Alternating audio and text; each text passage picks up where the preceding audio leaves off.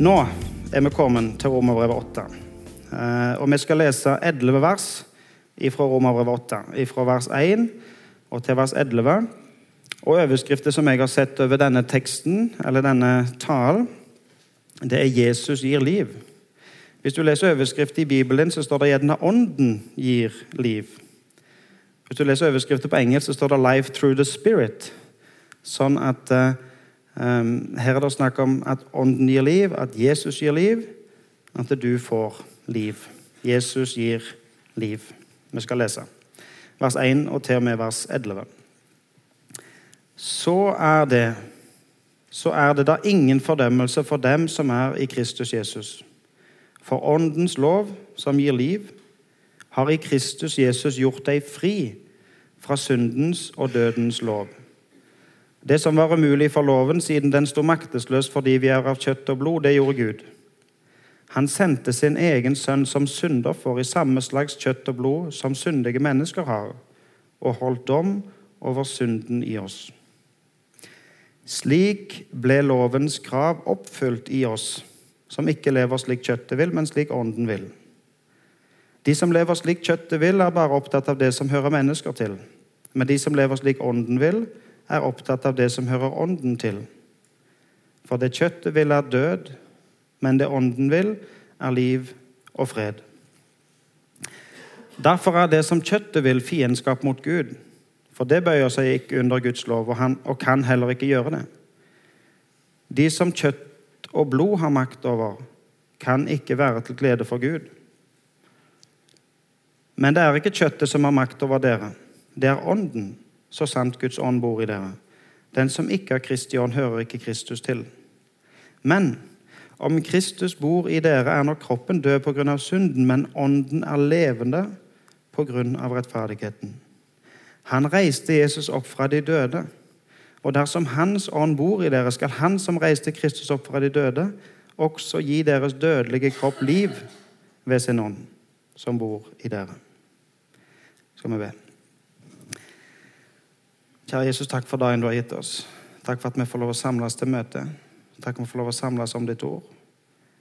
Og jeg ber Jesus om at uh, du må få lov å tale til oss. Jeg ber om i ditt navn. Amen. Romerbrevet 8. På mange måter høydepunktet i romerbrevet. Vi har, eh, vi har gått ifra romerbrevet 1 og utover kapitlene. Og, og, Forrige gang var vi i romerbrevet 7, og nå er vi kommet til romerbrevet 8. Eh, og det er liksom Da har, har Paulus nådd skal du si, toppen av budskapet i romerbrevet. Det er på mange måter en oppsummering av det Paulus til nå har skrevet om i Romerbrevet. Eller vi kan si at eh, det blir på en måte en slags konklusjon og sammendrag av alt det som tidligere er sagt fra kapittel 1 til vers 7. I den engelske oversettelsen så står det i vers 1 så står det 'therefore', altså derfor. Therefore there is now no condemnation for those who are in Christ Jesus, står det på engelsk. Derfor. Og når det står et 'derfor', så må vi jo finne ut hva 'derfor' står derfor. Et ordspill. Det var kult. Vi må finne ut hva, hva 'derfor' står derfor. Hvorfor står det derfor? Det kan jo henvise til forrige setning, eller jeg kan henvise til forrige kapittel, eller jeg kan henvise enda lenger tilbake. Um, jeg tror at her kommer Paulus til et 'derfor', uh, som viser tilbake til alt det som han til nå har sagt om snakket om i Romerbrevet. Og hva har Paulus skrevet om til nå i Romerbrevet?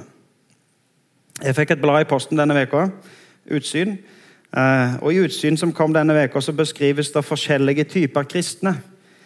Eh, jeg må innrømme jeg har ikke lest alt, men jeg så at overskriftene handler om at det er forskjellige typer kristne. Det er noen som er radikale, det er noen som er moderate, det er noen som er konservative, det er noen som er karismatiske, det er noen som har følelsene utenpå, det er noen som lever helt uten følelser. Og så er vi mange forskjellige typer mennesker. Og vi er mange forskjellige typer kristne. Og det er grunn underlig hvor forskjellige vi er. Men uavhengig av hva type kristne eller hva type menneske en er, så siterer alle disse romerbrevet. Alle disse kjenner seg igjen i Paulus. Paulus han begynner åpne med jubel i kapittel 1. Og så jubler han og så sier han evangeliet det er Guds kraft til frelse for hver den som tror.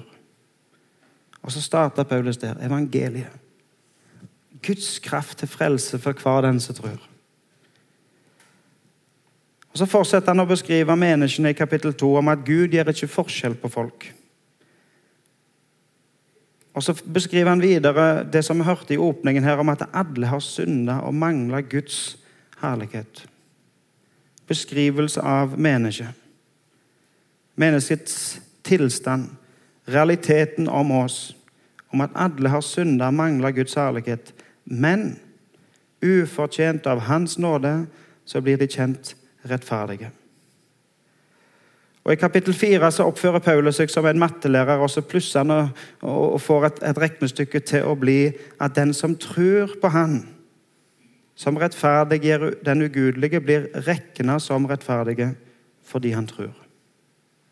Konstaterer et fakta som en lærer og sier at det så er det. Den som tror på Han, du som tror, pluss Jesus, det er et rettferdig menneske. Men Guds gjerning i deg er ikke kun et regnestykke med to streker under svaret. Jo, det er det, altså. Det er et regnestykke. Du pluss Jesus blir et rettferdig menneske. Men det er eh, på en måte enda mer enn det.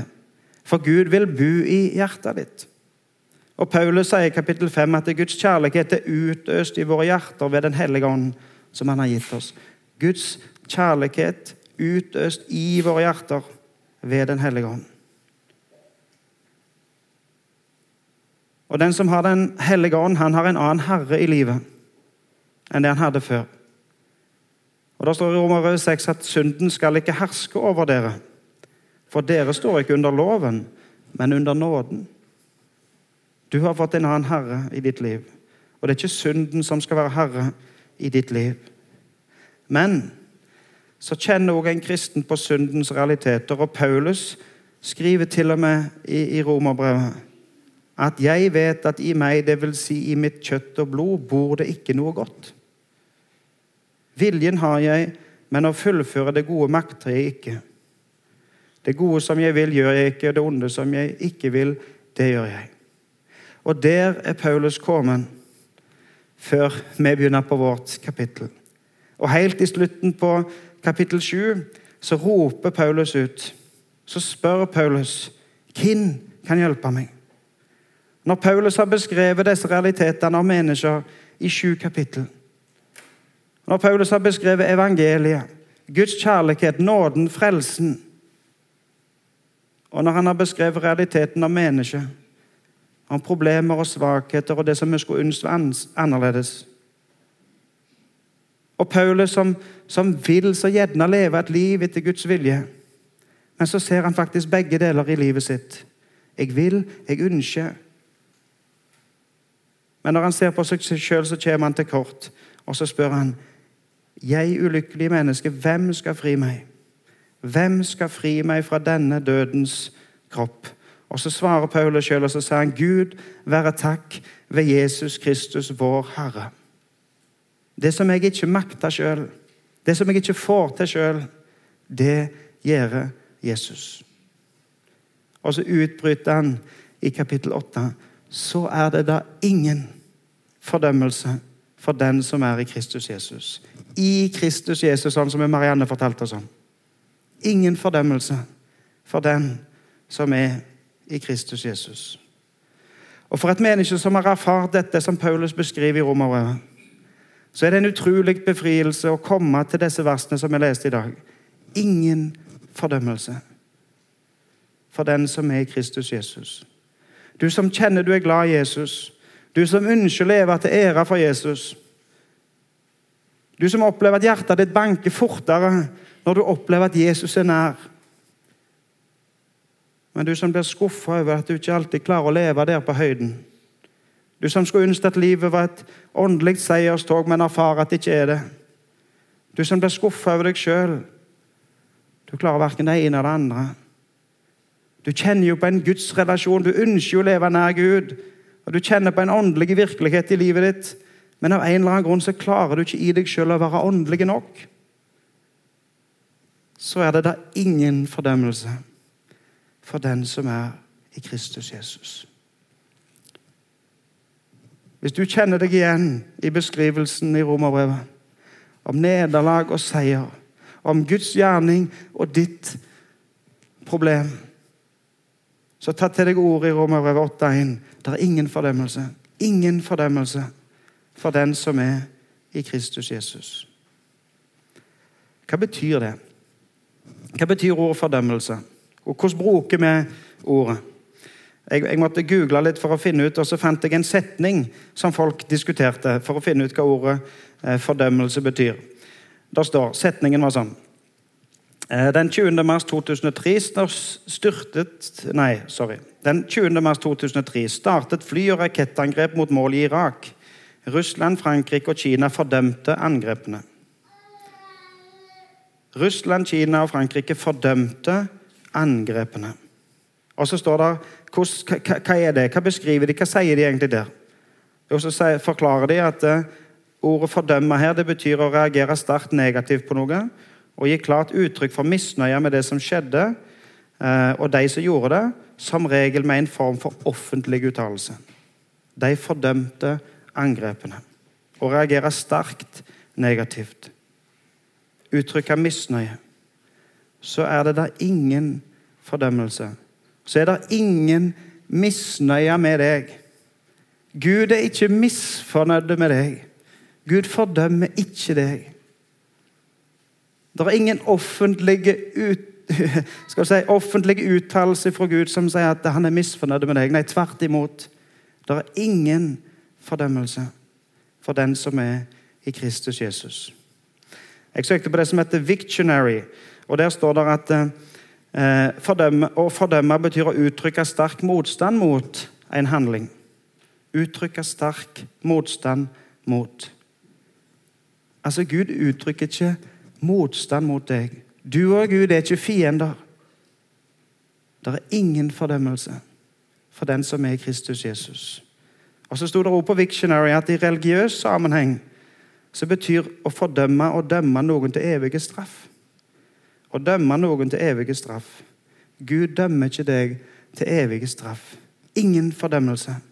Ingen dom til evige straff for den som er i Kristus Jesus. Og så slo jeg opp på engelsk. Det har jeg jo allerede sitert litt, men jeg slo opp uh, i den engelske uh, versjonen som heter New International Version, og der står det Therefore, there is now no condemnation for those who are in Christ Jesus. På engelsk heter det å fordømme det heter condemn, eller condemnation. Og hva ord ligner det der på på norsk? Condemnation. Vi har ett ord som har henta fra det ordet på norsk, og det er ordet kondemnere. Vi snakker om å kondemnere en bil. ikke sant? Hvis du har fått en skade på en bil, og skadene er for store og kostnadene er for høye til å reparere bilen, så kondemnerer du bilen. Eh, sånn at det, Når du har krasja og bilen din er skada, så er det opp til forsikringsselskapet å bestemme er det, er det, er det, er det tjenlig eh, å reparere den bilen. Eller blir kostnadene for høye med å reparere den bilen, så må vi heller kondemnere den. Og så er det så, Du har sikkert hørt om det. Altså, folk som, som, har litt peiling på biler, de kan gå inn og så kan de faktisk vurdere sjøl eh, Gjerne jeg kan kjøpe den bilen. Jeg kan få de der forsikringspengene, og så kan jeg kjøpe den bilen og så kan jeg fikse den sjøl. Og så tjener jeg faktisk, får jeg tilbake bil, og så får jeg til og med litt fortjeneste på det. For det er altfor dyrt å gjøre det på verksted. Men hvis du kan gjøre det sjøl, så får du gjerne ordnet opp med den bilen likevel. For forsikringsselskapet, når de regner på kostnadene, så har forsikringsselskapet gitt opp den bilen. Men du kan gjerne få det til. Og så kan du kjøpe bil, og så kan du fikse den sjøl, og så kan du ordne opp. Det kan hende at du gir opp av og til. Det kan hende at du syns at beskrivelsen av mennesket her i Romerbrevet er overveldende. Det kan hende at du ser rundt deg på verden, og så tenker du at her er det ikke håp lenger. Det kan hende du har så mange utfordringer i ditt eget liv akkurat nå at det er ikke håp. Det fungerer ikke lenger. Nå er det ikke håp lenger. Nå gir jeg opp. Vet du, Gud gir deg aldri opp. Gud kondemnerer ikke deg. Hvis Gud regner på kostnaden med å kjøpe deg tilbake, med å ordne opp, med å fikse, så blir aldri kostnaden for høy for Gud. Det er ingen fordømmelse. No condemnation. Aldri snakk om å kondemnere deg. Ingen fordømmelse for den som er i Kristus Jesus. Det kan jo hende du til og med har prøvd. Det kan jo hende at du til og med har, har, har deg en disiplin, og du er disiplinert og du er strukturert og du har fulgt mange gode råd og du har, du har liksom fulgt mange oppskrifter for å ordne livet ditt. Og så har du sikkert funnet ut at det funka en stund. Hvis du går hjem med denne lappen her, og så tenker du at nå skal jeg ordne dette her i sommer, jeg skal fylle denne lappen, så kan det hende at når du kommer til tredje uke, så har du glemt alt sammen. Du fikk det jo ikke til. Og så ble du skuffa igjen. Hør hva Paulus sier her i Romerbrevet 8,3. Det som var umulig for loven, siden den sto maktesløs fordi vi er av kjøtt og blod, det gjorde Gud. Vet du, Gud han vet det. At, at, at, loven eller bokstaven eller disiplinen eller strukturen kan ikke fikse oss. Og Derfor så grep Gud inn, og så gjorde Gud det som var umulig. Det er faktisk umulig at struktur, disiplin, lov klarer å fikse deg. Men Gud kan. Og hva gjorde han da? Jo, han sendte sin egen sønn som syndoffer. I samme slags kjøtt og blod som syndige mennesker har, og holdt dom over synden i oss. Holdt dom over synden i oss. I en annen oversettelse på norsk står det 'fordømte synden i kjødet'. Han fordømte synden. Så er det da ingen fordømmelse. For Gud fordømte synden i kjødet. Det samme ordet som er brukt her, faktisk, selv om det er oversett annerledes på norsk. Men det er akkurat det samme ordet. Samme som i vers 1. Ingen fordømmelse. Det er ingen fordømmelse for den som er Jesus Kristus, fordi Gud fordømte synden i oss. Gud holdt dom over synden i oss. Gud ordnet opp med det der. Derfor er det ingen fordømmelse for den som er i Kristus Jesus. Slik ble lovens krav oppfylt i oss. Gud gjorde det.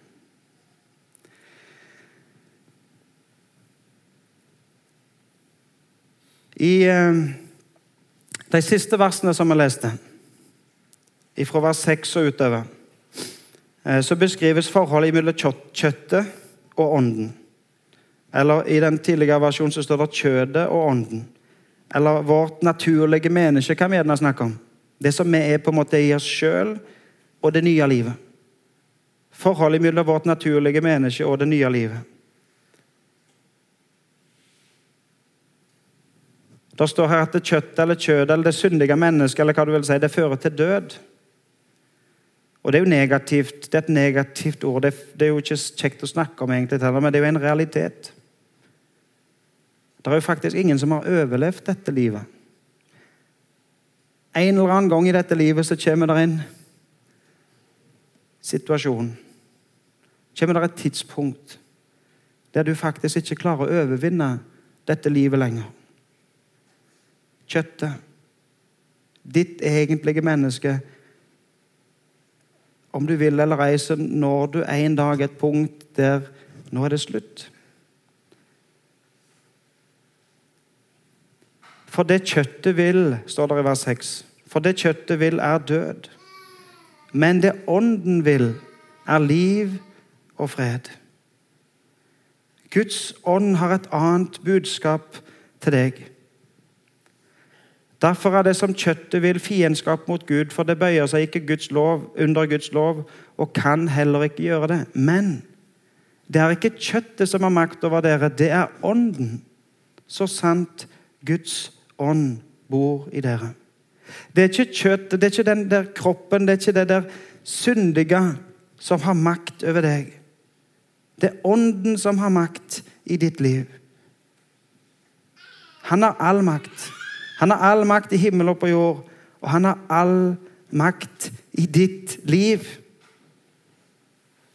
Det er ikke kjøttet som har makt over dere. Det er Ånden, så sant Guds ånd bor i dere. Og så lever vi som mennesker i spenningen imellom et negativt menneskesyn som sier at mennesket har et problem, og et positivt menneskesyn som sier at Gud har fiksa. Og Det negative menneskesynet sier at mennesket har et problem, og det er mange ting i livet som du ikke har kontroll over. Du ønsker å være god, men du erfarer det vonde. Og alle har synda og står uten ære for Gud. Men hovedbudskapet her er et positivt budskap om mennesket. Og det positive er at Gud inviterer mennesket til fellesskap med seg. Han vil gjenopprette, han vil ordne, han vil fikse, han vil gjøre helt igjen. Og så inviterer han deg til et åndelig, intimt fellesskap med seg sjøl. Så intimt at han vil bo i deg. Vers 10 sier men om Kristus bor i dere, er når kroppen død pga. synden, men ånden er levende pga. rettferdigheten.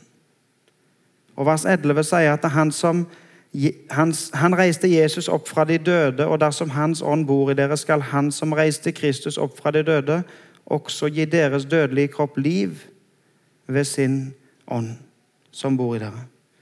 Gud har all makt. Han reiste Jesus opp fra de døde. Han hadde makt nok til å reise Jesus opp ifra de døde. Og han som hadde makt til å reise opp Jesus ifra de døde, han har òg gitt nytt liv til deg, du som egentlig var død. Og så har han makt nok til å reise deg opp og gi deg et nytt liv. Og så er det ingen fordømmelse. Gud har ordnet det så at du kan ha fellesskap med Han. Gud har ordnet det så at det er ingen evige dom og fortapelse i ditt liv, men evig liv og seier med Jesus. Han vil gi deg liv ved sin ånd. Han som reiste Jesus opp. Han som har all makt i himmel og på jord. Han vil gi deg liv ved sin ånd som bor i deg. Skal vi be. Kjære Jesus, takk for at uh, du har et budskap om liv og fred. Takk for at du vil bo i hjertene våre. Takk for at du betalte prisen.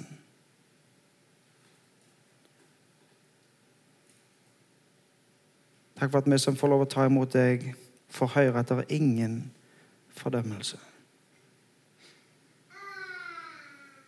Takk at vi skal få lov å tro og ta til oss budskapet om at du har sona syndene våre, at du har gjenoppretta forholdet med Gud, om at du har gitt oss evig liv og fred. Kjære Jesus, hjelp oss å leve på dette inn i sommeren, over sommeren. Hjelp oss å legge livet vårt i dette budskapet om at det er ingen fordømmelse for den som er deg.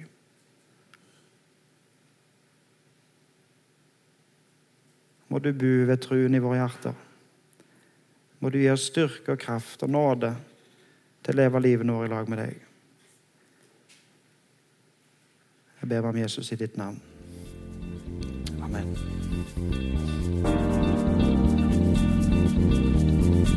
Thank Thank you.